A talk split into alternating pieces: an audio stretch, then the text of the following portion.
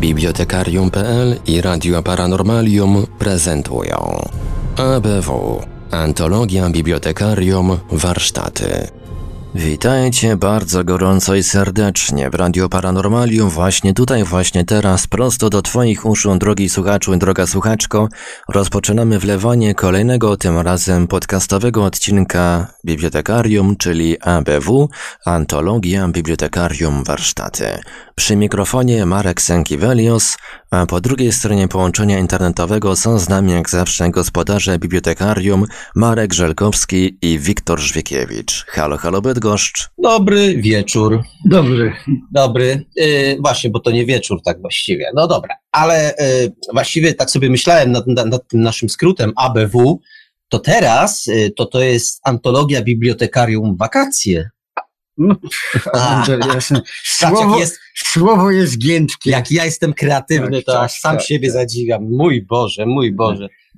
Tak, a mogłem robić jakąś, jak mogłem wykonywać jakąś porządną pracę, to się... Na to, przykład to... być pirowcem w rządzie. Tak jest, tak jest, a to no. się zabrałem za takie rzeczy. No dobra. E, antologia Bibliotekarium Wakacje, wakacje tak. tak, wakacje, no to musi być coś specjalnego. E, nie wiem, czy sobie zdajesz, Wiktorze, sprawę, że to specjalne to jesteś ty. Ja? A konkretnie twoje no, opowiadanie. Zwłoki moje. No nie, zwłoki nie, natomiast opowiadanie, które e, no już takie, już pełnoletność to, one dawno, to ono dawno osiągnęło. Mianowicie opowiadanie Sinbad na RQM 57, o ile dobrze tak. pamiętam.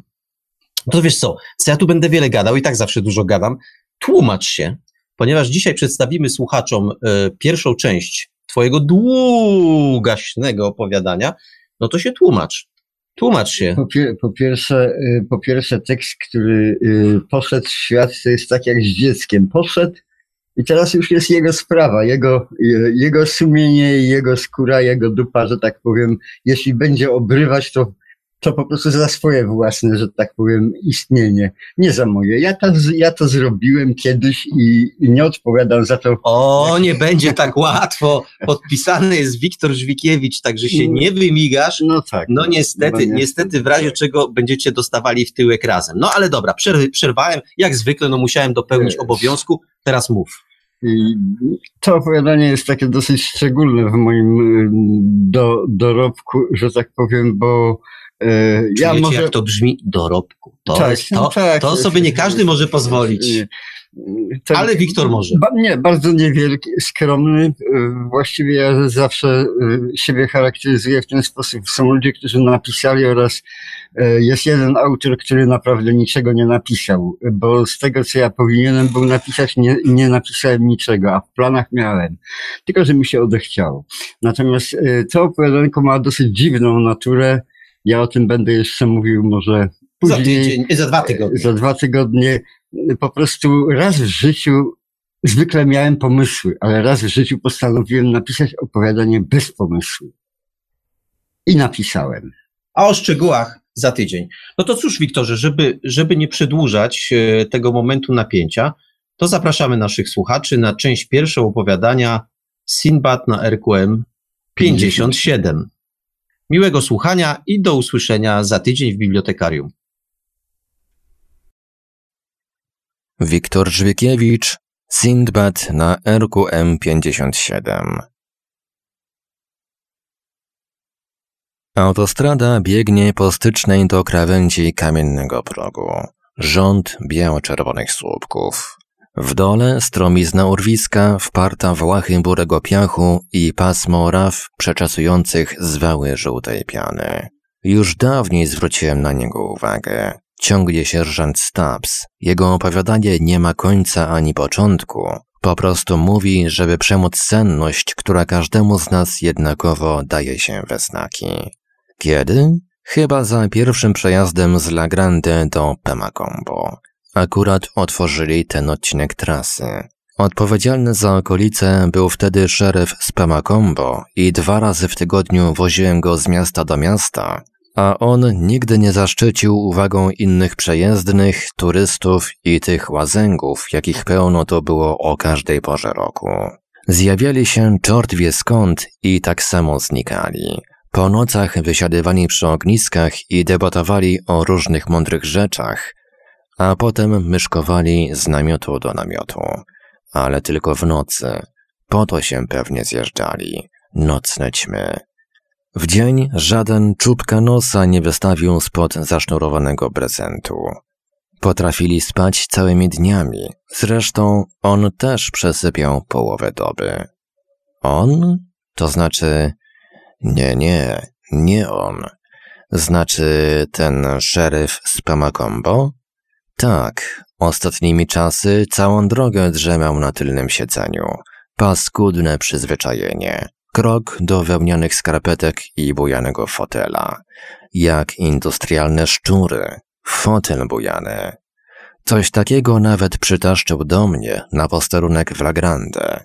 Myślałem, że coś z nim e, nie tego, ale on spokojnie postawił na wprost drzwi i powiedział wygodne. Tyle od niego słyszałem.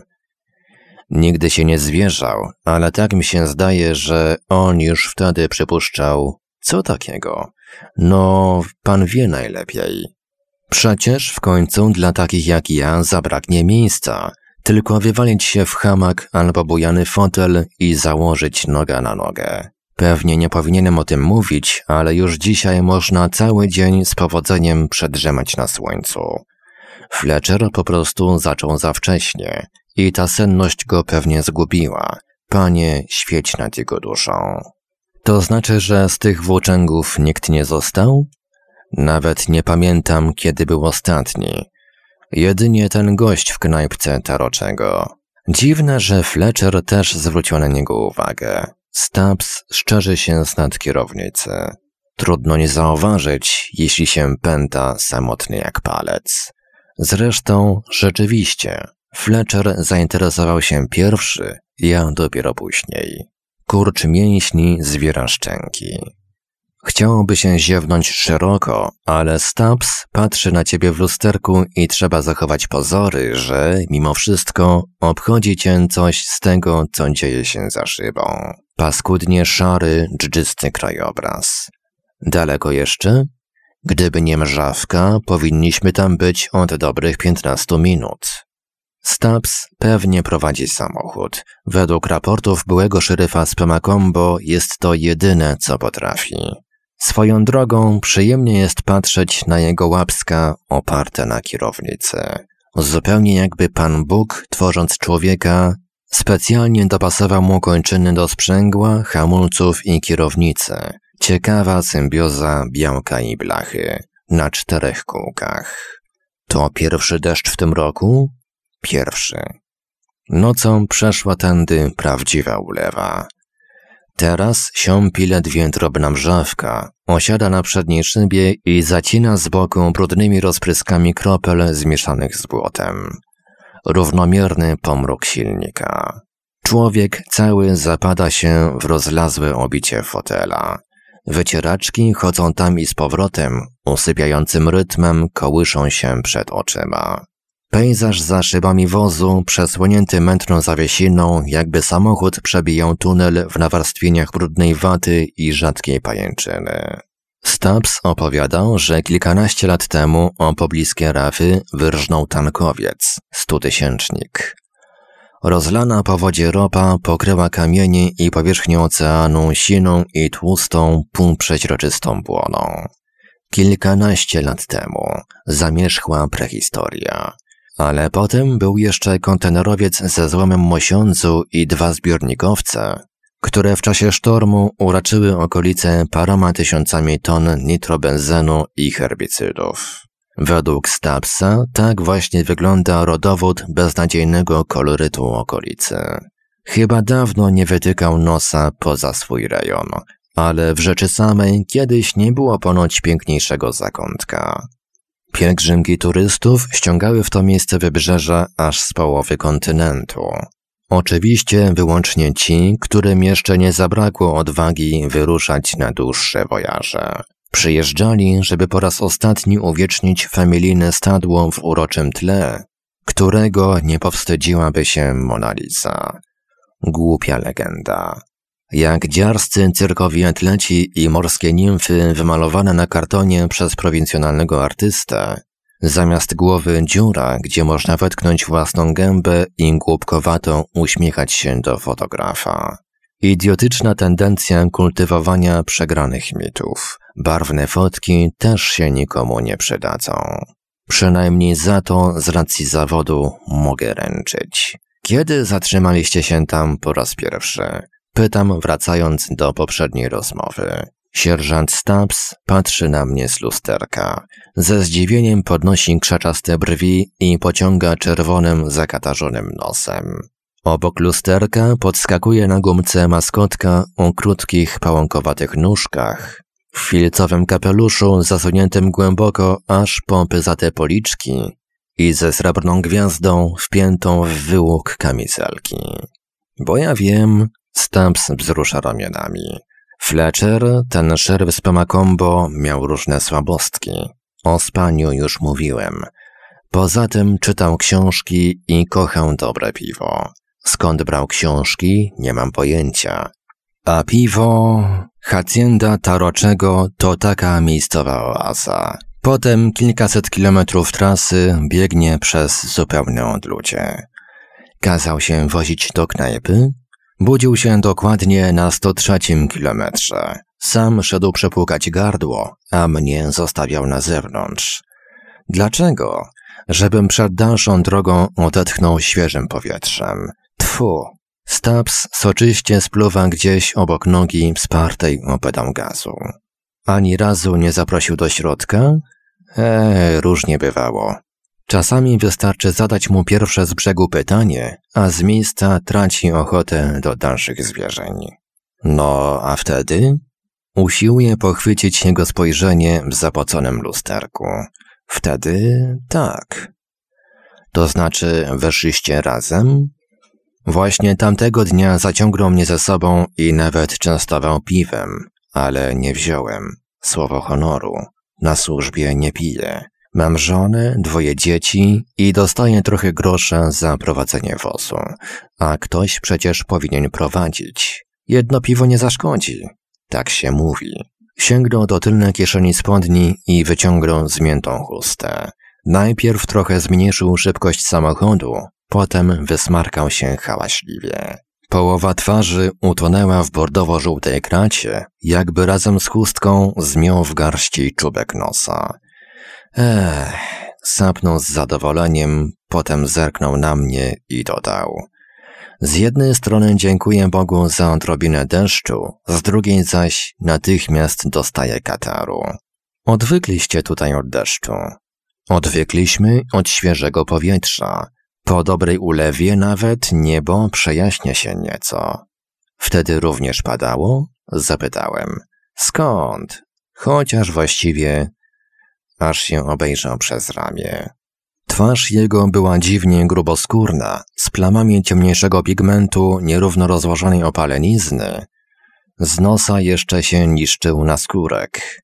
Na policzkach i podbródku głębokie pory ciemniały jak księżycowe kratery wyżarte kwasem, albo będące pamiątką po młodzieńczych eksperymentach pirotechnicznych. Musiał mieć kiedyś irlandzkiego protoplastę, Kędzierzawe, rude bokobrody biły się koło jego uszu, od skroni aż do masywnych szczęk. Kapelusz trzymał na kolanach, gdyż pomimo deszczu w wozie było wystarczająco duszno i ciepło. Kiedy znów się odwrócił, został mi przed twarzą tylko piegowaty kark ze sztywnym kołnierzykiem koszuli wpijającej się w nabiegłe krwią fałdy skóry poniżej starannie przystrzyżonych sztywnych włosów również jakby przyproszonych ceglastym pyłem. Jak pan zgadł? zapytał. Ostatecznie musiała być przyczyna, że akurat wtedy Fletcher zaprosił cię do środka. Powinni pana przyjąć do policji śledczej. Ja dopiero teraz przypomniałem sobie. Fletcher powiedział nawet coś w tym rodzaju, że nie ma co sterczyć na deszczu. Rzeczywiście, dlatego poszedłem. No właśnie, więc wtedy poznałeś tego gościa? Tak. Powiedz o nim coś więcej. Nie ma o czym mówić. Leniwie rozprostował szerokie plecy. Pan od dawna na tej prowincji? Zależy jak się patrzy. Normalnie to drugi tydzień, ale zaczynam mieć dość tego zwiadu. Zwiadu? Tak zaczynają nazywać inspekcję wybrzeża. Wydało mi się, że kątem oka dostrzegłem w lusterku przelotny, chytry uśmieszek na jego twarzy. Dawno tam nie byłem. Kiwnął głową w stronę przeciwną do kierunku, skąd czasem dochodził nas szum oceanu. Jak tam jest naprawdę? Tak samo oni pytają, co naprawdę tutaj się dzieje. Roześmiałem się. Więc nie chcesz mówić o tamtym facecie? Myślałem, że pan zapomniał. Poklepał dłonią obręcz kierownicy. Nie chcę? Przecież mówiłem już. Po prostu siedział w najdalszym kącie nad kuflem piwa i tylko wlepiał wzrok w wejściowe drzwi. Czekam na kogoś? Nie sądzę, ale za tamtych czasów wałęsało się tędy sporo ludzi. Jak on właściwie wyglądał? Trudno powiedzieć. Chyba na coś chorował, może jeszcze w młodości. Została mu potem anemiczna bladość i nienaturalna opuchlizna twarzy. Wyglądał z tym jak topielec. A jak sądzisz, kim on był? Dzisiaj nikt o to nie pyta nikogo. A jednak normalny gość. Wczoraj wieczorem mówiłeś co innego. Mijał drugi dzień od chwili, gdy przyjechałem do La Grande i zastałem go w opustoszałym miasteczku, żyjącego w zupełnej samotności, jedynie z własną rodziną. O żonie i dzieciach nie chciał wspominać, nie zobaczyłem ich też ani razu. Podobno mieszkali w domku na przedmieściu. Kiedy zjawiłem się, Stubbs siedział na swoim posterunku w parterowym budynku policyjnego biura i kołysał się na plecionym bujanym fotelu. Z równym powodzeniem mógł tak siedzieć dzień, dwa, nawet rok. Nic się nie mogło wydarzyć, na nikogo nie czekał. Po prostu siedział, wyciągnąwszy przed siebie długie nogi i między czubkami butów śledził wędrówkę cieni przemieszczających się po rozpalonym do białości bruku. Posterunek mieścił się na wprost rynku miejskiego i z poziomu werandy, na której był wystawiony fotel, można było ogarnąć wzrokiem całe niemal miasteczko. Leżało nieco w dole, białą wysypką domów rozsypane na skłonie schodzącym do morza. Już jadąc tutaj stwierdziłem, że parterowe okna domów śródmieścia, podobnie jak okna willi pojawiających się czasem wzdłuż nadmorskiej trasy, były na głucho zabite deskami. Jedynie w bramie kościółka, stojącego nieco na uboczu, dostrzegłem szczelinę cienia, jakby ktoś nie domknął wrót i specjalnie pozostawił je uchylone na wszelki wypadek, jeśli ktoś inny zechce przypadkiem wejść i pomodlić się przed ołtarzem. Na początku mojej trasy zajrzałem do jednego z takich kościółków. Ołtarz nakryty był szarym pokrowcem, może zwykłym, mocno przykurzonym prześcieradłem. Wszędzie to samo. Za każdym razem nie warto odwiedzać przybytków utraconej wiary. Stubbs również wie coś na ten temat. Następnego dnia po moim przyjeździe tutaj, skoro świt, musiałem jechać do Pemacombo, więc pozostaliśmy z sierżantem na posterunku, do późnej nocy rozmawiając o niczym, ślęcząc nad szklanką herbaty zaparzonej po turecku, niemal wróżąc z fusów. Jakby przyszłość kryła cokolwiek niewiadomego. Później spaliśmy na zestawionych taboretach. No tak, mruknął Stubbs.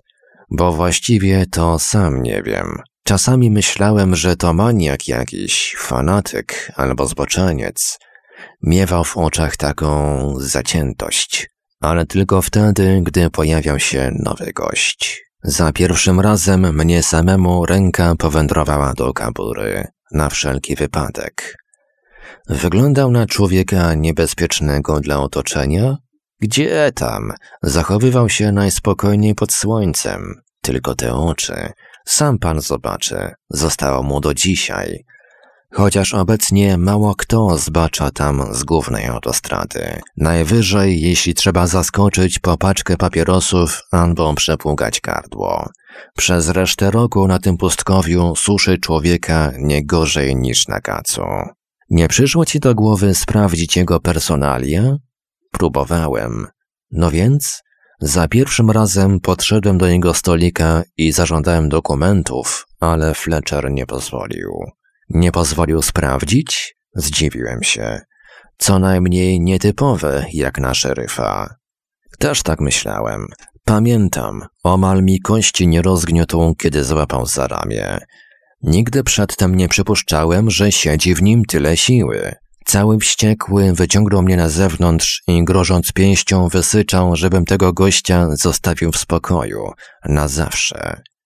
Nawet groził? Powiedział, żebym nie śmiał czepiać się spokojnych, Bogu ducha winnych ludzi, chyba że po jego trupie. To już możesz. O nie. Dlaczego? Wolę nie. Stubbs sprawia wrażenie przestraszonego. Zabawne zestawienie. Strach i jego postura. Gdyby cokolwiek zależało ode mnie, przede wszystkim nie zatrudniałbym w policji ludzi podszytych tchórzem i przesądami, szczególnie tych ostatnich. Sądzisz, że oni się znali? Zapytałem od niechcenia. Na pewno, przynajmniej dużo ze sobą rozmawiali i to nie jeden raz. Więc potem, kiedy zabrakło Fletchera i sam patrolowałeś wybrzeże, nie rozmówiłeś się z facetem? Stubbs mocniej wcisnął pedał gazu. Fletcher nie kazał, powiedział niechętnie. Nic dodać, nic ująć. Pomyślałem, że to również był dziwny człowiek. Tamten szeryf z Pemacombo. Były szeryf. Znałem go wyłącznie ze słyszenia i zwięzłych raportów, jakie napływały na moje biurko. Pisał je odręcznie, a nie będąc biegłym grafologiem, cóż można powiedzieć o człowieku na podstawie treści jego meldunków przesyłanych do trzeciorzędnego funkcjonariusza Sekon. Zwięzłe i suche notatki z w miarę przyzwoitą skrupulatnością. Tego nie można by było odmówić. Styl języka oraz biegły charakter pisma sugerowały jeden fakt, właściwie bez znaczenia, że ich autor ma wykształcenie wyższe nieco niż wymagane na stanowisku okręgowego szefa policji. Jak to powiedział Stubbs? Właśnie, czytał książki i kochał dobre piwo. Może na tym odludziu zagrzebał się jeszcze jeden dziwak, któremu nie leży idea zbiorowych mogił reklamowanych przed szpalerem dziarskich orkiestr dętych, rozpromienionych dziewczynek ze sztucznymi kwiatkami we włosach i politycznych działaczy, którzy jeszcze snują morzonki nowych utopii. Dureń z tego Fletchera, jeśli pozwolił sobie na luksus własnego zdania, ale tobie lżej za to, gdy gdzieś blisko jest ktoś taki drugi. A raczej był. Jego również niewiele obchodziły obowiązki. Po prostu w zaciszu dożywał swoje dolce farniente, w kuflu piwa lub w szklance whisky topił żal po rozkoszach industrialno-urbanistycznego raju. A wystarczyło wyciągnąć rękę. Bramę do raju ledwie przesłania bliski widnokrąg. Trzy godziny jazdy samochodem i znikasz pod stropem utkanym ze szklanych włókien i stali, zawekowanym szczelnie, gdzie tylko plastikowe arterie tłoczą karmę w białkowe jądra betonowych komórek. Białe larwy w plastrze miodu, który zwartą parenchymą pokrył zasadniczy masyw kontynentu. Jednak niedługo przed śmiercią coś wybiło Fletchera z równowagi i przysłał do mnie dłuższą epistołę. Dzisiaj żałowałem, że wtedy tylko pobieżnie przebiegłem ją oczyma i rzuciłem na dno biurka. Nie pierwszy taki raport. Pisał o zatopieniu zasobników z radioaktywnym złomem w pobliskiej rozpadlinie morskiego dna. Wcześnie się obudzi. Promieniotwórcze cmentarzysko powstało tam dobrych 30 lat temu. Czasami miałem sobie za złe, że nie zdążyłem się z nim na czas skontaktować. Już dawno nie spotkałem człowieka, z którym można by w miarę sensownie pogadać. Cholernie źle musi być z tobą, jeśli masz pewność, że wspólny język znalazłbyś tylko z takim odszczepieńcem. Jak to z nim było? spytałem. Z tamtym? Nie zrozumiał Stubbs. Mówiłem przecież. Pytam o Fletchera. Znowu z ociąganiem pokręcił się na przednim siedzeniu. Moja żona zachorowała, powiedział wreszcie. Poza tym dziecko, niecały rok. Prosiłem o zwolnienie na ten jeden objazd. Wyjątkowo. Zgodził się? Ani razu. Aż mi trochę dziwne było, bo zawsze zamiast prowadzić wóz, wolał drzemać na tylnym siedzeniu i z dokładnością policyjnego psa budzić się na 103 kilometrze. Potem wysiadał, ziewał i szedł wysączyć kilka piw. Zawsze wiedział, kiedy jest blisko, choćbym prowadził 120 mil na godzinę albo wlókł się żółwim tempem. A jak sądzisz, on dobrze prowadził samochód?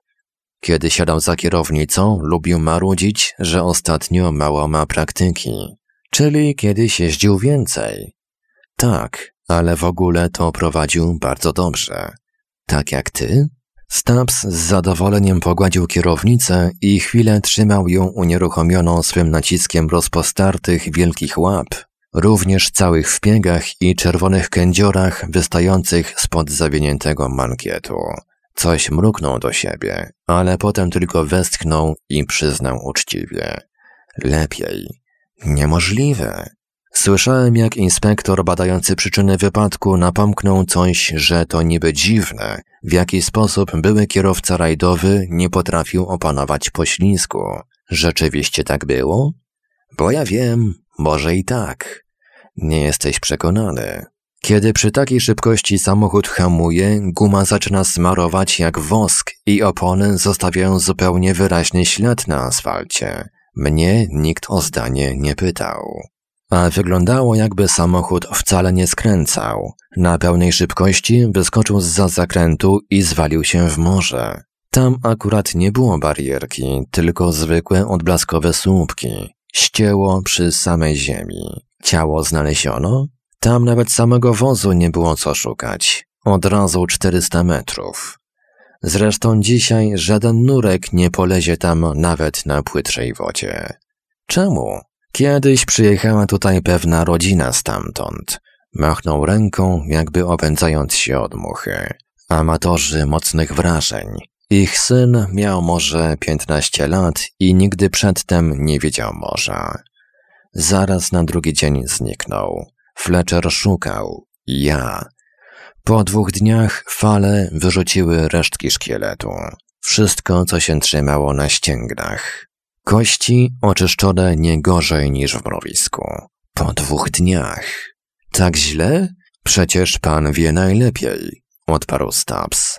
Tylko skinąłem głową. Gdzie to się stało? zapytałem. Chodzi o chłopca czy Fletchera? O Fletchera. Pokażę, ale to jeszcze kawał drogi. Na 130 kilometrze za hacjendą, w której urzęduje Taroczy. Zamyśliłem się chwilę.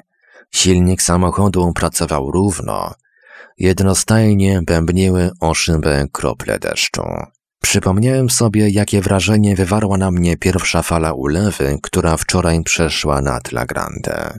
Najpierw długo grzmiało gdzieś nad lądem, chociaż niebo do końca w niczym nie zmieniło odcienia mętnej ochry. Jedynie słońce zgasło na długo przedtem. Wyszliśmy ze Stapsem na próg posterunku i wtedy lunęło nagle, wzbijając z jezdni żółty pył. Po chwili bez reszty uległem sugestii, że to nie z nieba biją ciężkie krople, lecz strzelają w górę z pękających kamieni i jednolita żółtawa ściana deszczu podnosi się coraz wyżej, coraz dalej odsuwa niski pułap chmur. Deszcz padał dobrą godzinę, Dokładnie wylizał z nieba żółć, podobną do bielma przesłaniającego błękit i wreszcie ustąpił miejsca zwyczajnym, chłodnym kroplom wody. Bębniły przez całą noc i na ciepłym jeszcze bruku rozklepywały rzadkie błoto. Teraz wystarczyło spojrzeć w górę, nawet przez zapocone szyby wozu, i mimo siąpające wciąż mrzawki, aby utwierdzić się w realności nieba zawieszonego wyżej niż zwykle. Wszystko wskazuje, że tamtego dnia Fletcher odwiedzał zajazd, powiedziałem. Taroczy zaprzeczał. Trudno stwierdzić. Tego nieznajomego też nie było za trzy miesiące. Dopiero tydzień temu pojawił się znowu. Zameldowałeś? Komu? Śledztwo dawno zostało zamknięte. Zresztą, Bogi ma prawdą, nie było żadnego dochodzenia. Normalny wypadek. Zaczekaj, zdziwiłem się. Więc ten inspektor ze śledczej nie słyszał wcale o człowieku z knajpy Taroczego? A jaki to ma związek? Pomyślałem, że Fletcher nie przesadził zbytnio, zaliczając sierżanta Stabsa w poczet obywateli, wierzących święcie w zwrotne sprzężenie zasady kochaj bliźniego swego jak siebie samego. Policja jest chyba ostatnim miejscem na ziemi, gdzie mogła się uchować podobna poczciwość charakteru. Dziwny zbieg okoliczności. Stwierdziłem. Szeryf okręgowej policji, były kierowca rajdowy, wypada z szosy przy szybkości niewiele ponad 80 mil na godzinę. W dodatku, zwykle odwiedzając przydrożny przybytek spragnionych, tym razem przejeżdża obok. Brak świadków, że było inaczej. Z drugiej strony trudno mi uwierzyć, że oparł się pokusie kilku głębszych. Wszystko może mieć logiczne wytłumaczenie tylko wtedy, jeśli Fletcher był na lekkim choćby rauszu. Nie tylko wtedy, wtrącił Stubbs, ale po natychmiastowym drgnieniu masywnych ramion zrozumiałem, że szybko pożałował nieopatrznego wyskoku. Słucham? Zareagowałem, nie pozwalając mu zmienić tematu. Istnieje inna możliwość? Co będę gadał od rzeczy? Machnął ręką. Przecież nie jestem z komisji śledczej. Uśmiechnąłem się, ale tak, żeby nie dostrzegł tego w lusterku. Nie jestem pewien. Niezdecydowanie zaczął Stubbs. Czego? Mnie? No nie, zastrzegł się natychmiast. Może to przypadek. Kiedyś gadałem z barmanem i rozmowa zeszła na to, co się dzieje w świecie, a on powiedział, że gardzi samobójcami. Wtedy właśnie pomyślałem, samobójstwo? Tak, jedną ręką przeczesał ryże kosmyki na tyle głowy. Ten szeryf to był taki smętny gość, jakby go wiecznie coś gryzło. Czasami z byle powodu sumienie szwankuje całymi latami, ale on był młody, aż się dziwiłem, że takiego tu skierowali i już zaczynał marudzić. Bywało, zagada, czy lubię morze, albo czy wiem, co jest tam głębiej. Później, zamiast po ludzku wytłumaczyć, w czym rzecz, w połowie rozmowy zmienia temat i potem milczy przez kilka godzin. Tę myśl podsunął ci Taroczy? Ja sam. Taroczy wspomniał o tych, którzy nie wytrzymują. Tak, powiedziałem bardzo powoli. A ten Taroczy, co za człowiek? Typowy w tych stronach barman. Dawniej hodował bydło, dopóki rosła trawa. Dzisiaj go nic nie obchodzi. Tylko piwo, brudne talerze i własny brzuch. Chyba słucha radia, telewizji albo czyta gazety. Jak każdy, ale gazety docierają coraz rzadziej. Telewizja... Dzisiaj na ekranie migocze tylko taki biały szron ale jak masz cierpliwość i szczęście, to coś zobaczysz. Tutaj atmosfera przepuszcza wyłącznie to, co chce i kiedy chce. A skąd to nazwisko? Raczej obce. Sprawdzałem. Potomek emigrantów. W tej okolicy pojawili się po jakichś zamieszkach na Węgrzech. W ubiegłym stuleciu jedni z pierwszych osiedleńców. Dawne czasy. Mhm. Pomrukiem potwierdził Stubbs. Diabli wiedzą, czego tutaj szukali. Zresztą kiedyś to było inne życie. Ziewnął szeroko i tak sugestywnie, że sam musiałem osłonić usta dłonią, chociaż zdawało mi się, że dawno przeszła mi senność. Ten ostatni taroczy sam prowadzi bar? Zapytałem. Dobrze pan powiedział, że ostatni. Nie o tym myślałem. Ja wiem, zgodził się bez przekonania, ale nawet gdyby nigdy nie słyszałem o żadnej kobiecie. Na poboczu drogi mignęła tablica z wyszczerzoną w uśmiechu opasłą gębą. Piana iskrzyła się na wąsach. Dobra, choć oblazła z farby reklama. Komiksowy rysunek, dłoń zaciska kufel piwa z podniesioną przykrywką tuż przed wydatnym nosem. Nad pyzatą gębą coś w rodzaju czapki popa albo spłaszczonej kopury tempietto przy kościele Santo Pietro in Montorio w Rzymie. Niemal jednocześnie poczułem pragnienie w przeschniętym przełyku, a do głowy zaczęły się cisnąć wspomnienia. Pragnienie można będzie niedługo zaspokoić, ale co z tym drugim? Zawsze uważałem, że wspomnienia należy odkładać ad acta tak długo, aż ci nic innego nie zostanie, prócz ich hołubienia. Pech w tym, gdy dopiero przekraczając trzydziestkę zaczynasz dochodzić do wniosku, że właśnie przyszła ta jesienna, smętna pora roztkliwiania się nad Ovidiuszem. Tempora labonturo. Trzydzieści lat i już jesteś gotów układać panegiryk na własny nagrobek. Co znaczy społeczne zaangażowanie? W tym kontekście okres moich włoskich studiów zaliczyć muszę do najbardziej szczęśliwych. Lubiłem przekraczać granice industrialnej urbanizacji i zagłębiać się w jeden z niewielu, jakie jeszcze zostały, zwykle bezludny interior. Mogłem się wtedy godzinami włóczyć po wąskich uliczkach Starego Rzymu, pokonywać strome podejścia schodów między kamienicami w opustoszałych dzielnicach.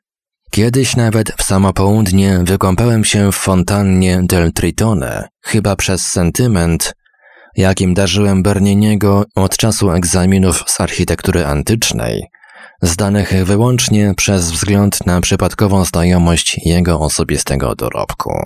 Wtedy, podczas tej kąpieli, nie było akurat turystów, ale nie sądzę, by ich obecność mogła mi przeszkodzić w czymkolwiek. Ostatecznie w fontannie była prawdziwa woda. Nawet złote i srebrne monety przeświecały z mulistego dna jak spoza szyby na jubilerskiej wystawie. Od wielu lat nietknięta numizmatyczna kolekcja.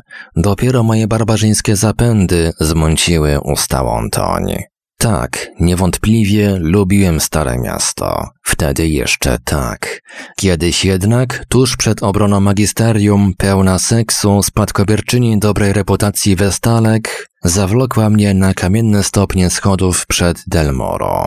Później, w pełnym świetle dnia, nieskończoną ilość razy podnosiliśmy się z ziemi, żeby przymglonym wzrokiem podziwiać resztki dei quattro fiumi. Wystarczyło mi wyrwać z jej zębów obolały język i dźwignąć głowę ponad włosy rozsypane na bruku, pachnące rdzą i piżmem, aby oczy dostrzegły bazylikę świętego Piotra w gorącym powietrzu drgający miraż. Właśnie wtedy obrzydła mi kurza ślepota, która wciąż jeszcze naiwnym Samarytanom nakazuje balsamować truchła zabytków. Złożyłem akces na stanowisko w Sekon gwarantujące zesłanie w zapomnianą przez Boga i ludzi administracyjną pustynię, gdzie tacy jak Fletcher topią w piwie swoje dolcze farnięte. Z perspektywy tamtego czasu trudno mi wierzyć, że gdzieś jeszcze zostało takie miejsce, gdzie gołębie nie szczędzą pomiotu, który wżera się w kamień, a turyści tak samo rzucają do wody srebrne monety.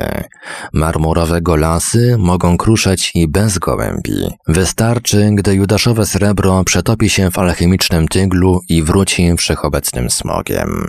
Tynk złazi z domów, blady naskórek z twarzy i rąk wszechobecna łuszczyca. Smród, wilgoć i pleśń, chociaż kilkanaście lat temu jakiś Giovanni Lorenzo Bernini cierpliwie wydłubuje z kamienia głowy, ręce, tułowia z nagimi piersiami, projektuje swoje wodotryski, dłubie i projektuje. Czas teraźniejszy. Czas się tylko rozwarstwia, lecz każde zdarzenie pozostaje tuż obok, nawet pracującym Bernini.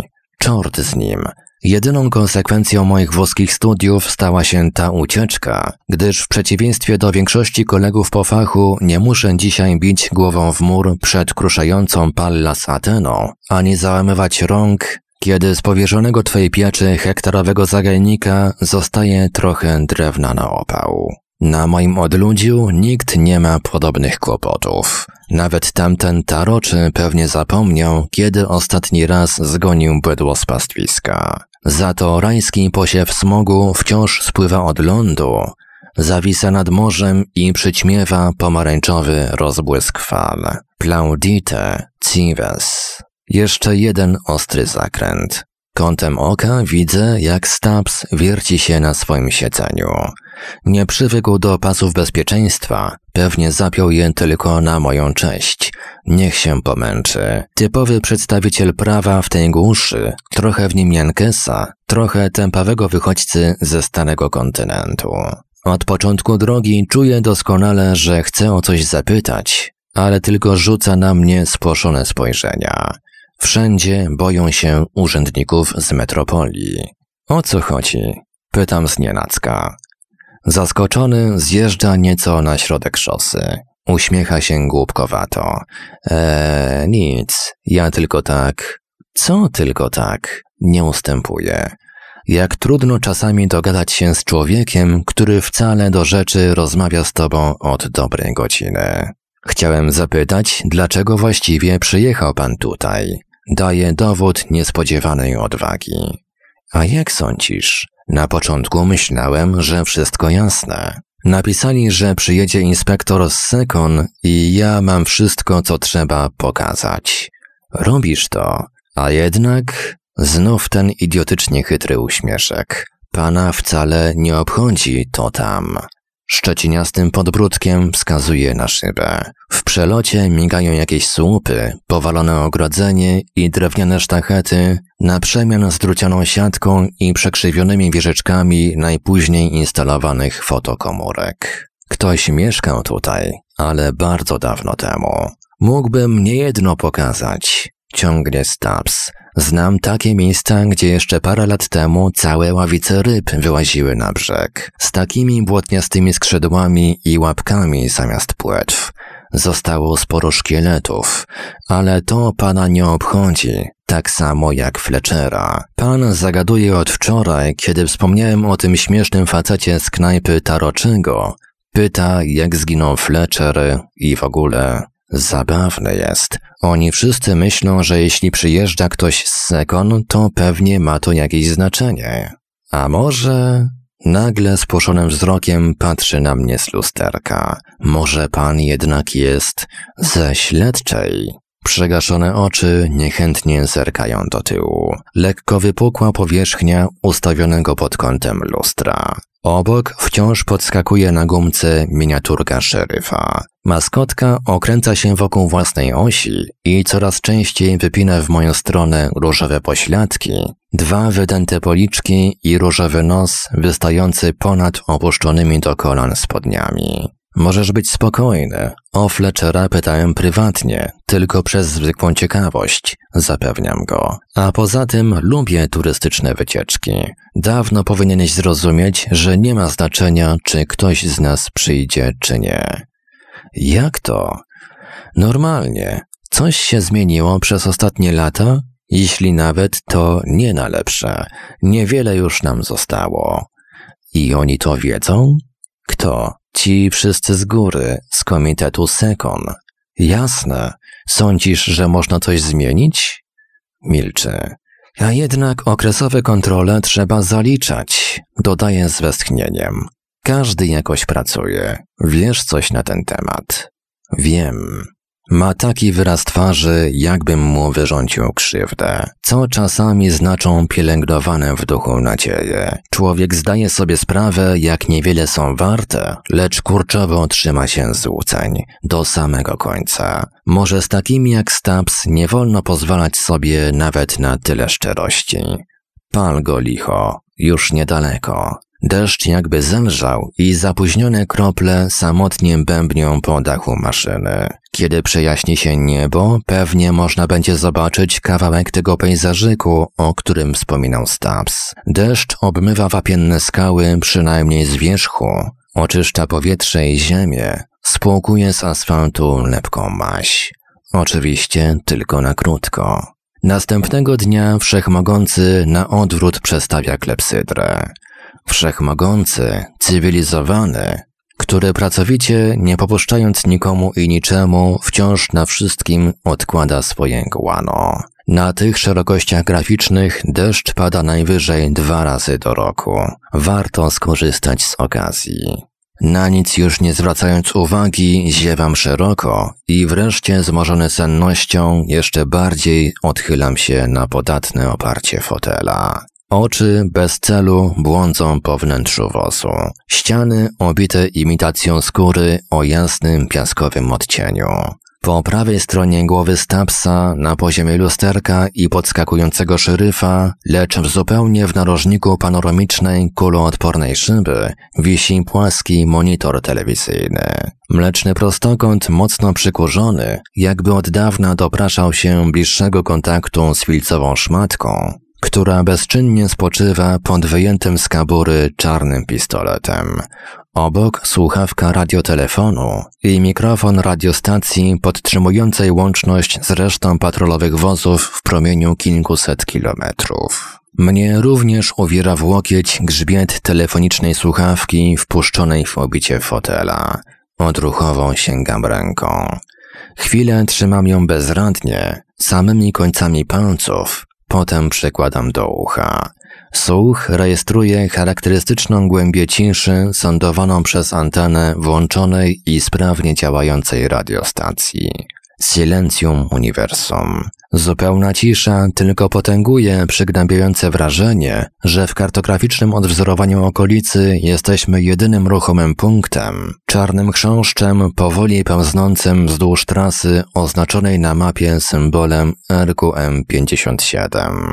Żuk opukuje drogę radiolokacyjnym zmysłem swoich członków i ostrożnie przemieszcza się w pustym kontinuum, gdzie od dawna nie pozostało śladu innych patrolowych wozów. Na dziesiątki mil wstecz i w przód pusta przestrzeń, co przekroczyła termiczną śmierć wszechświata. RQM jak rekwiem. Kiedy szosa obeschnie z deszczu, może pojawi się na niej nieco więcej takich ruchomych robaczków. Może zapędzą się aż tutaj, na peryferię dogrywającej galaktyki, od strony industrialno-urbanistycznego masywu, który z czarną powłoką nakrył resztę kontynentu. Bywają chwile, gdy nawet białoskóre robactwo ma dosyć szklanego stropu, wspartego o szkielet skalistych gór i łożysk rzek przeobrażonych w wewnętrzny krwiobieg standu. Odkładam słuchawkę. Starannie wciskam ją w elastyczne gniazdo w oparciu. Może za rok ktoś jeszcze ją podniesie, albo za dwa lata. Im dalej, tym mniejsze prawdopodobieństwo. Stabs energicznie wdusza sprzęgło. Hamulce. Opony piszczą cienko. Parking na poboczu. Mamy szczęście. Przed niskim barakiem nie ma innego wozu. Wylazłem prosto w kałużę. Nogawki spodni namokły błyskawicznie i przykleiły się do butów. Zakląłem cicho. Lekka bryza niosła od morza zapach charakterystyczny dla starych strychów, gdzie pleśń trawi resztki skór zakonserwowanych w naftalinie, dawnych futer z wyleniałą sierścią. Nie dziwiłem się zbytnio, że urbanistyczny masyw stroni od wybrzeża i trzyma się raczej wnętrza kontynentu. Szum fal docierał gdzieś z dołu. Przewijał się ponad krawędzią autostrady obrębionej ścięgiem biało-czerwonych słupków. Horyzont już się przejaśniał, miejscami chmury pękały, dając słonecznym promieniom przepust w sinej pokrywie. Jasne kolumny światła biły w ocean jak reflektory samochodu wynurzającego się z mgły. Rydwan Heliosa bezgłośnie pracował motorem spalinowych turbin i rozpraszając półmrok włączał kolejne halogeny. To tutaj? Zapytałem nie wiadomo po co. Przy parkingu stał niewysoki barak. Zabudowania starej hacjendy znajdowały się w pewnym oddaleniu, na łysej jak kolano, doszczętnie wyjałowionej polanie. Wolną przestrzeń przed głównym budynkiem otaczało kilka kikutów drzew. Włókniste płaty kory, zestrugane z pni przez deszcz i wiatr, przesychały teraz na słońcu. Ścieżka z głazów tworzących szczerbate stopnie prowadziła na wierzchołek wzniesienia. Dalej były wyłącznie kamienie i trochę żółtego piasku na świeżo obsuniętym zboczu.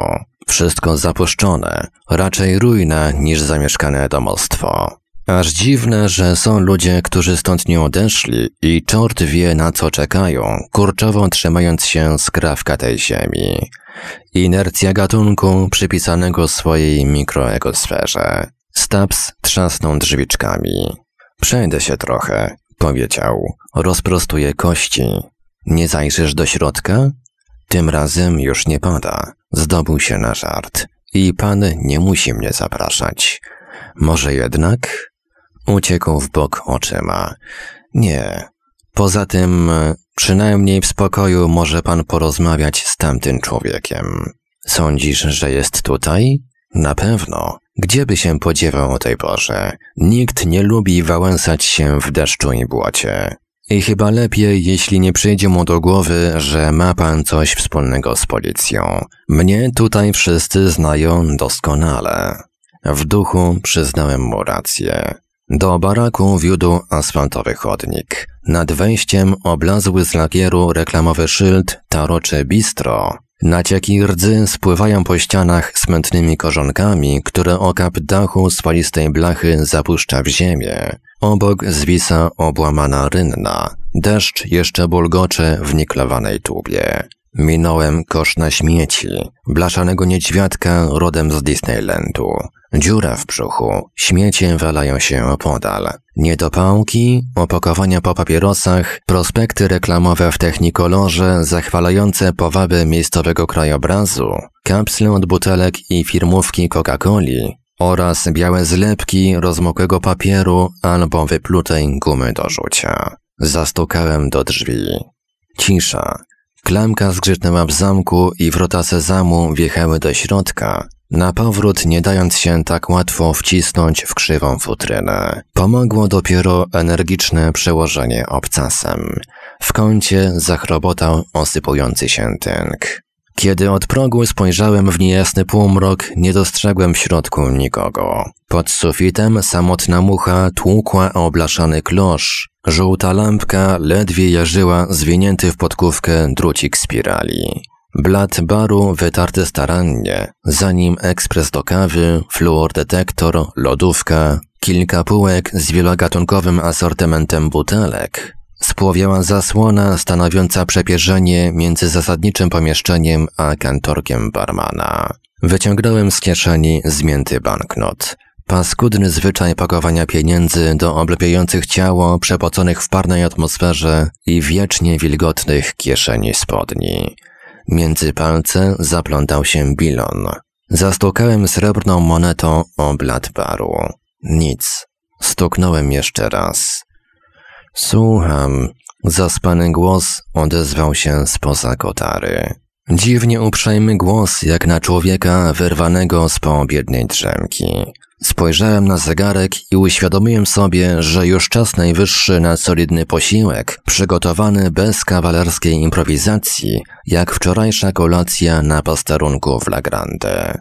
Ile razy prosiłem, pomrukiwał niewidzialny gospodarz, żeby dolać sobie samemu. Piwa nie ubędzie dla jednej gęby, choćby była bez dna. Chrząknąłem. Zabawny to właściciel przydrożnego lokalu, który wita gościa z zaproszeniem do kontynuowania samoobsługi, kiedy ten od rana nie miał w gębie kropli piwa czy innego, bardziej szlachetnego trunku. Za kotarą rozległo się ciche postękiwanie. Trzasnęły sprężyny i szuranie pantofli wyprowadziło spoza przepierzenia otyłego mężczyznę o nalanej sadłem twarzy.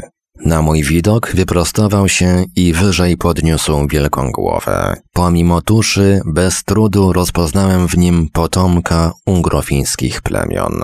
Moje uszanowanie, powiedziałem. Pukałem, nikt nie odpowiadał, więc wszedłem.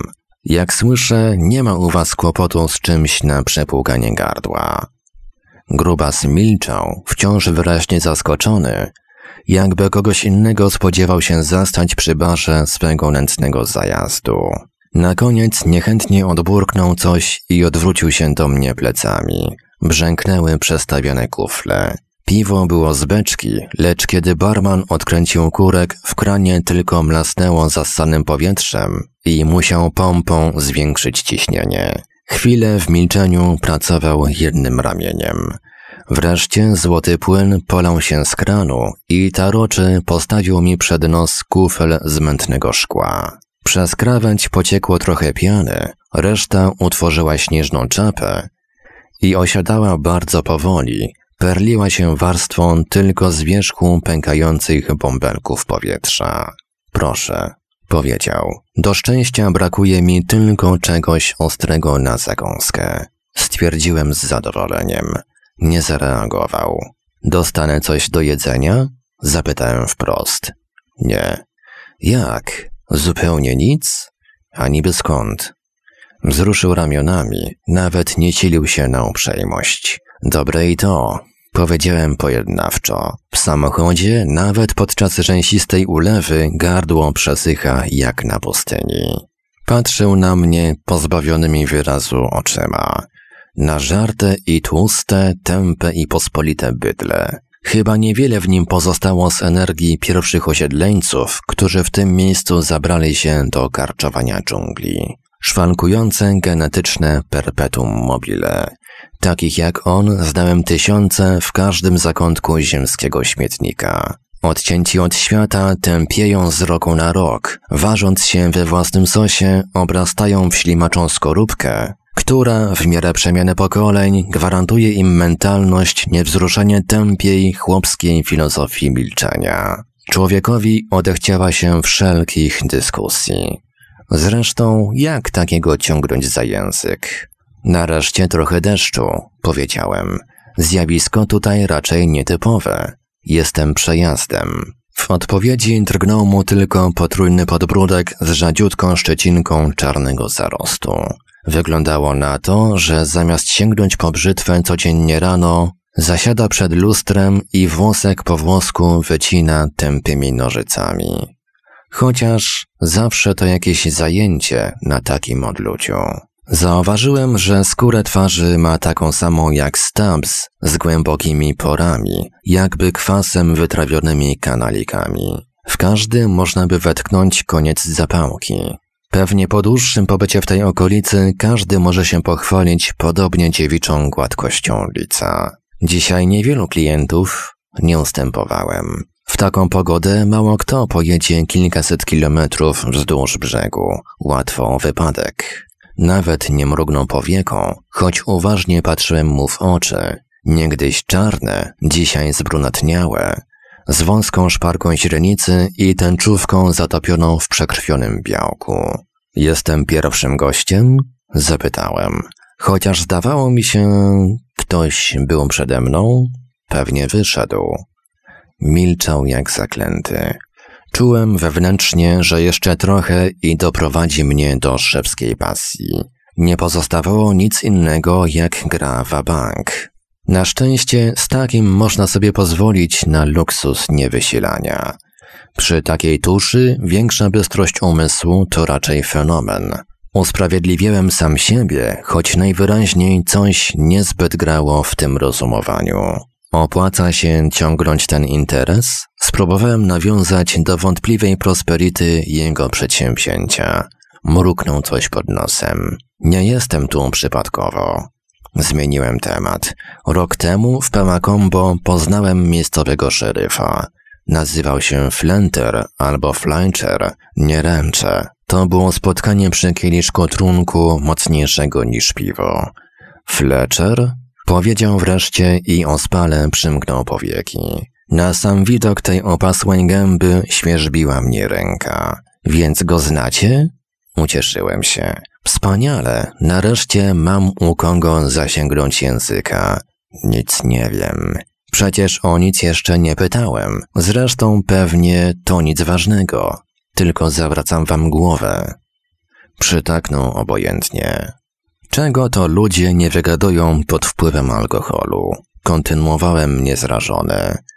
Zjeździłem kawał świata i wszędzie to samo. Stereotyp.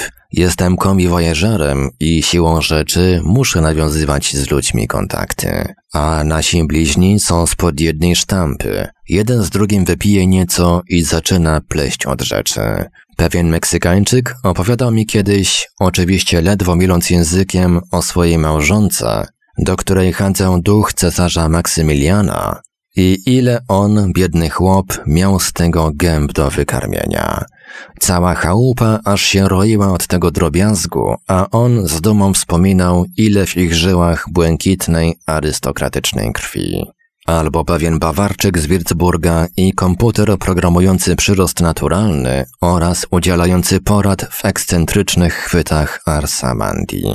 Pozwalał mi się wygadać. Czynił to z doskonałą rutyną człowieka zawsze i wszędzie obojętnego. Przestawało mnie dziwić, że Stubbs nie widział przy nim żadnej kobiety.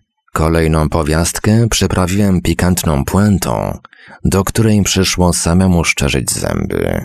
On nawet nie drgnął. I właśnie Fletcher. Podjąłem na nowo. Kiedy raz przesadził z wódką, też zaczął opowiadać o pewnym człowieku, którego spotkał w czasie służbowych patroli wzdłuż wybrzeża od Pomacombo do La Grande. Opowiadał mi różne rzeczy, między innymi o waszej hacjencie. Podobno spotykali się tutaj przy piwie. Nie wiecie przypadkiem, gdzie się podziewa tamten człowiek? Nie wiem kto. Taki niewyraźny typ. Nie znam. Przypomniałem sobie wczorajszą rozmowę ze Stabsem. Kiedy wieczorem zgasiliśmy światło, Stabs, ośmielony ciemnością, niespodziewanie nabrał elokwencji i długo jeszcze gadał, paląc w pomroku papierosa za papierosem, a ja przez sen ledwie chwytałem oddzielne słowa. Wciąż wracał wspomnieniami do tego człowieka, raz czy drugi widzianego w przydrożnym zajeździe.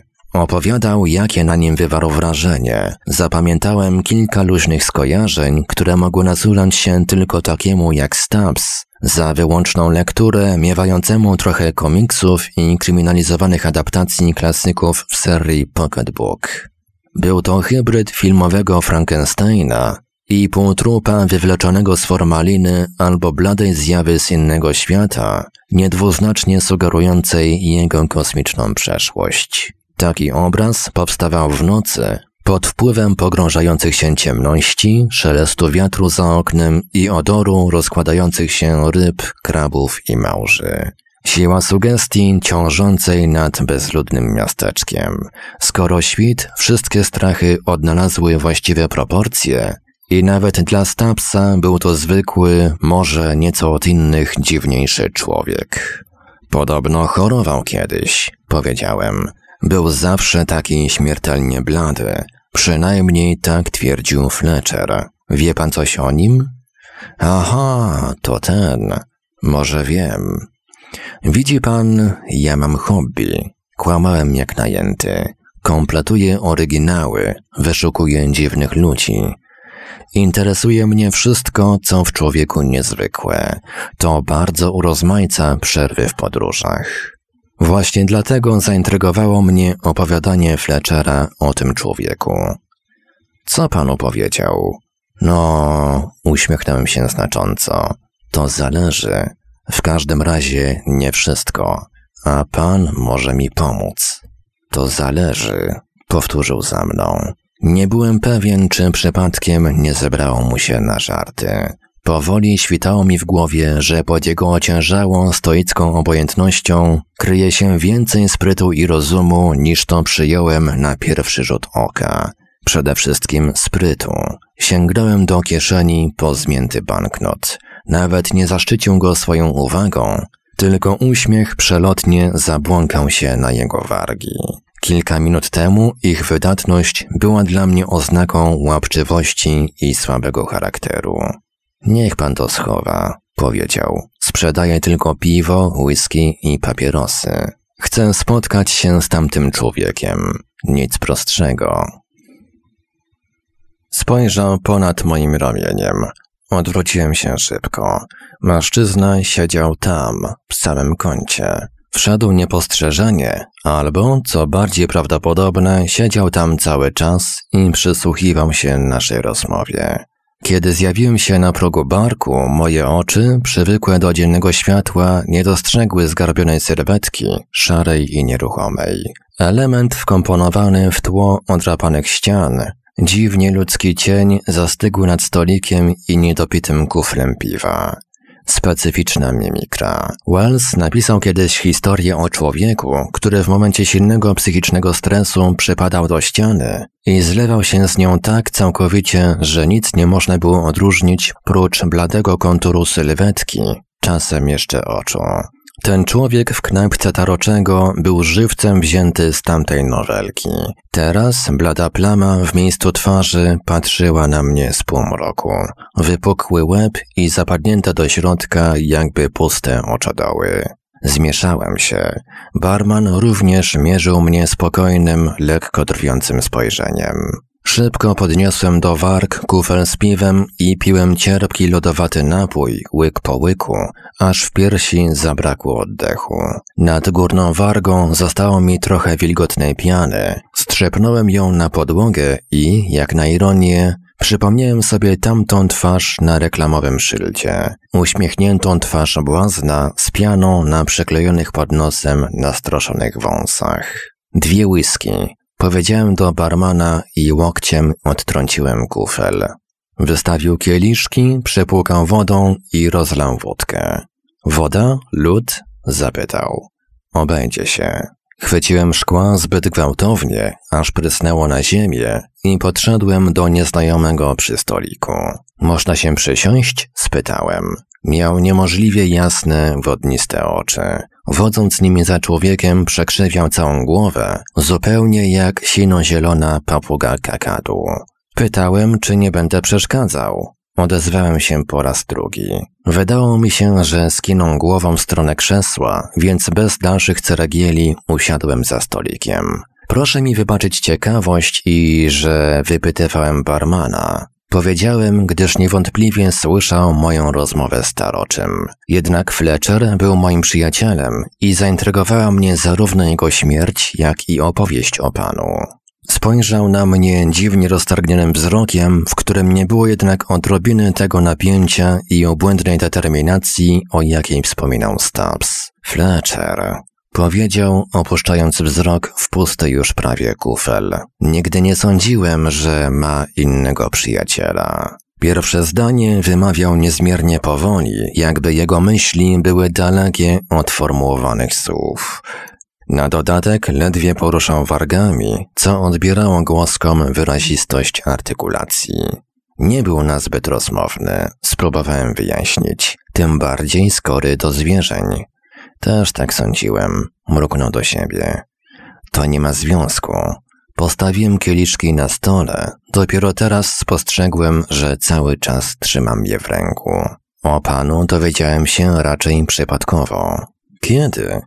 Stosunkowo niedawno. Pół roku temu. Może mniej.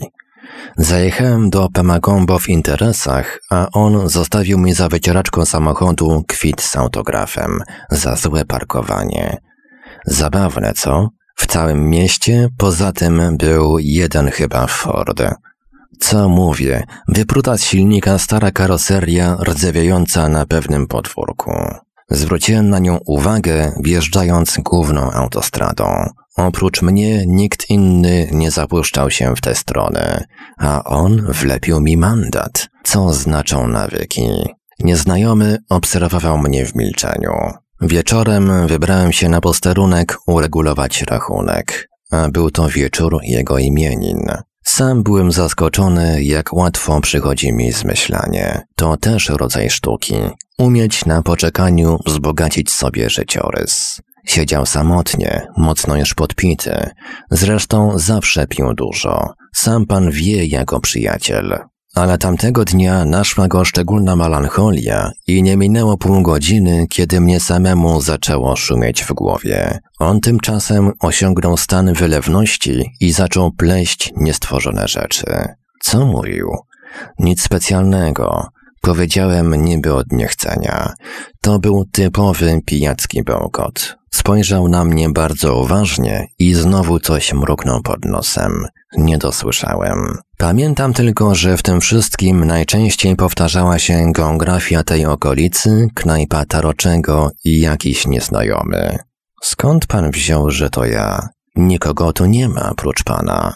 Zresztą Fletcher wspominał, że tamten człowiek był albo jest na coś chory. Dodałem, zwracając uwagę na nienaturalną bladość jego twarzy i kropelki potu ściekające ze skroni aż za uszy. Chory czy coś w tym rodzaju, może się przesłyszałem, lecz kiedyś wyraził się tak. Dłużej już nie pociągnie. Wyszło mi to jakoś samo przez się i bez udziału woli. On jednak drgnął wyraźnie i zesztywniał w krześle. Pożałowałem tych słów. Może myślę o sobie. Spróbowałem kluczyć, ale sam nie najlepiej wiedziałem, czego się trzymać. To by tłumaczyło jego śmierć. Nie. Uciął krótko. W takim razie, przepraszam, powiedziałem. Ostatecznie straciłem orientację, gdzie kończy się udawanie i zaczyna przebłysk rzeczywistego zmieszania. Wchodziłem w rolę. Nie szkodzi, odparł miękko. To by się zgadzało. Umilkł i tylko na kredowo-białym czole, blisko lewej skroni, pulsowała mu tuż pod skórą nadymająca się ciężko niewidzialna tętnica. Poczęstuje się pan? Zapytałem, podsuwając mu kieliszek. Niepewnie spojrzał na whisky. Wziąłem dla dwóch. Nigdy nie piłem nic mocniejszego od piwa. Powiedział. Czasami warto spróbować. Być może. Teraz, kiedy siedział sztywno i wpatrywał się w kieliszek, mogłem poddać go wnikliwej ocenie. To był rzeczywiście dziwaczny facet. Twarz woskowo-biała, rysy jakby świadczące o pewnym umysłowym niedorozwoju idącym w parze z mongolizmem. Głowa z prymitywnie ociosanego kloca albo ulepiona ze świeżego jeszcze gipsu. Pod szyją rozchełstana koszula nie pierwszej świeżości, odcień jasnego beżu. Z wierzchu masywnej sylwetki coś w rodzaju marynarki z szorstkiego płótna. Przydługich rękawów wystają ręce, nieodrodne siostry twarzy, równie blade, niemal przeźroczyste, kostropate w miejscach przełamania palców. I to było w nim najdziwniejsze. Twarz i ręce. Gdy barman był po prostu gruby, nalany sadłem, człowiek siedzący naprzeciw miał skórę podobną do błony napiętego rybiego pęcherza, który od środka rozsadza ciśnienie woskowego żelu. Wszystko w nim było półprzeźroczyste, jakby pod warstwą innych tkanek zabrakło twardej kości. Zdrowie, powiedziałem i wychyliłem kieliszek. Po chwili wahania wziął ze mnie przykład. Zakrztusił się. Oczy jeszcze bardziej zaszły mu mgłą. Zostawiłem trochę czasu, żeby doszedł do siebie. Nazywam się Benedykt Trump. Powiedziałem wreszcie. Przez moment bez głosu, jak ryba poruszał wargami podobnymi do płatków zsiniałe cielęciny. Jestem Gropius, Ainge Gropius. Skądś znałem to nazwisko. Ainge Gropius, powtórzyłem. Dawno pan przebywa w tych stronach? Dawno. Podobno kiedyś był stąd przepiękny widok na morze. Rozejrzał się wyraźnie czymś spłoszony i tylko głębiej wcisnął głowę między masywne ramiona. Jego ciało bez reszty wypełniało marynarkę, opiętą i wyraźnie nie na miarę. Aż dziwne było, że materiał nie rozłazi się w szwach. Dopiero kierując wzrok śladem jego spojrzenia zauważyłem barmana. Taroczy dalej stał wsparty brzuchem o blat baru i bacznie się nam przyglądał spod powiek napuchniętych jeszcze nieprzemytych po głębokim śnie. Podniosłem się, z trzaskiem odsunąłem krzesło i podszedłem do bufetu. Skocz, whisky, powiedziałem. Butelkę. Ociągając się, sięgnął na półkę. Czego pan od niego chce? Spytał. Moja sprawa. Może nie tylko pańska, stwierdził bezczelnie. Coś się w nim zmieniło. Już nie był taki potulny i byle zaczepkę zbywający milczeniem. Jeśli pan rzeczywiście znał Fletchera, pewnie zdążył panu powiedzieć, że najlepiej trzymać się z dala od tego człowieka. Jeśli nie, ja to mówię. Zabrzmiało to prawie jak groźba, co prawda rzucona niby od niechcenia, lecz barman przy tym z podełba świdrował mnie swymi zatopionymi w tłuszczu oczkami i tylko jego dłonie pracowały niezależnie od słów i spojrzeń. Z najświętszym spokojem odkorkowywał butelkę. 0,75 litra. Znowu poczułem, jak mi palce prawej ręki odruchowo zwijają się w pięść. Nie wiadomo dlaczego byłem pewien, że zdzielenie go w napuszony pysk sprawiłoby mi prawdziwą rozkosz. Korek z charakterystycznym odgłosem wyskoczył z szynki butelki i barman odezwał się znowu, tym razem niepytany. Może sierżant Stubbs chciałby już jechać? Zapytał. Nie rozumiem. Pan mnie rozczarowuje. Mówił ściszonym głosem, pewnie dlatego, żeby tamten przy stolniku nie dosłyszał. To nieładnie zostawiać go samego na dworze. Komedia skończona, pomyślałem. Mr. Taro, czy mam prośbę? Skorzystałem z przywilejów stróżów bezpieczeństwa, gdyż najwyraźniej i mnie uważał za policjanta. Niech pan zostawi nas samych. Czemu nie? Ironicznie skinął głową. Gdyby się panu nudziło, proszę poczytać prasę. Wskazał gazety wiszące na ścianie po drugiej stronie baru. Zaopatrzone w ramę z uchwytem były ponaczepiane na rząd krzywych haków lub zwykłych gwoździ wbitych w mur. Nawet na pierwszy rzut oka dawno nadawały się do wyrzucenia na śmietnik. Obok na niskiej półce leżał plik barwnych czasopism. Skorzystam, jeśli uznam za stosowne. Odparłem oschle.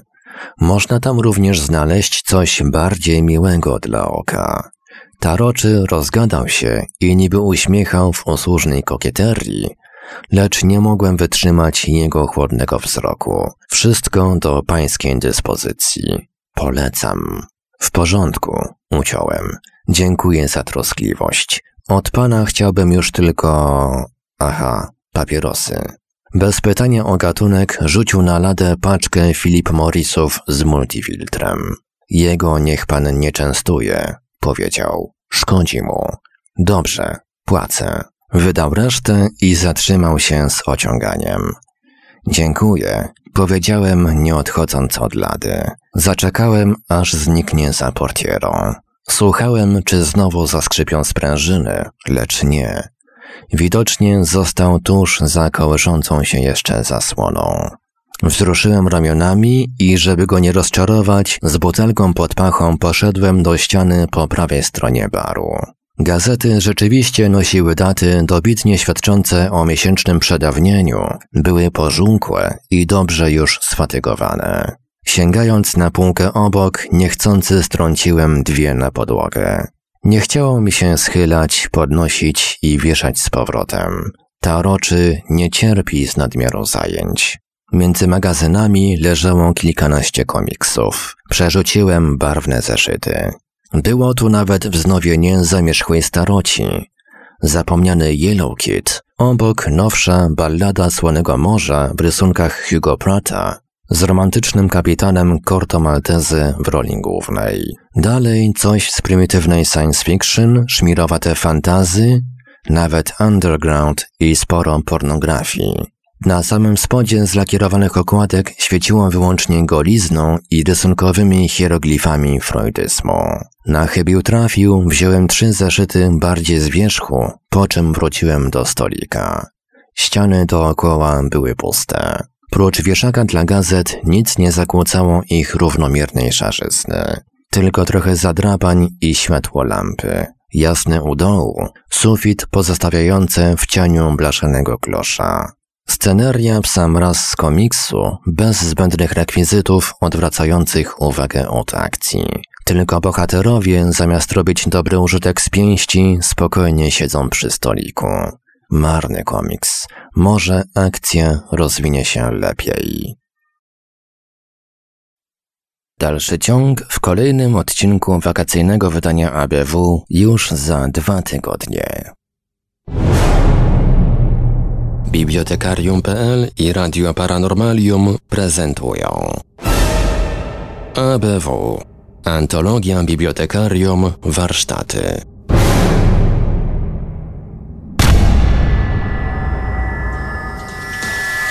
Produkcja i realizacja Radio Paranormalium. Www.paranormalium.pl